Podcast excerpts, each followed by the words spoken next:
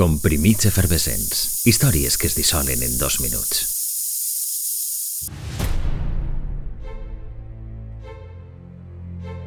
Vides privades investigades, perseguides, qüestionades i assetjades. La majoria tingué recursos emocionals per eixir del pas, però uns quants no aguantaren la pressió i fins i tot se suïcidaren.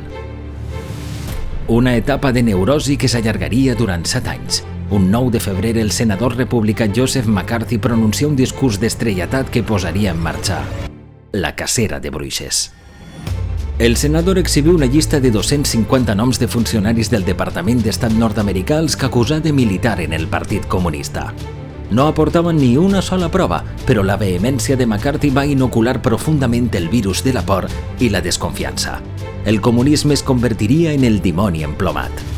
Seria l'embrió del Comitè d'Activitats Antiamericanes i el seu vendaval de delacions, traïcions i acusacions de tota classe. Un sistema inquisitorial que va acarnissar-se de forma particular en el sector públic.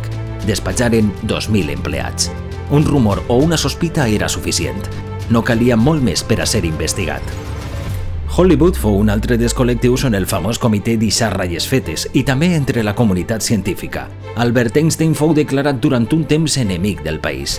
La psicosi anticomunista no pararia fins que començaren a qüestionar-se els mètodes del comitè, set anys després d'aquell discurs del 9 de febrer de 1950.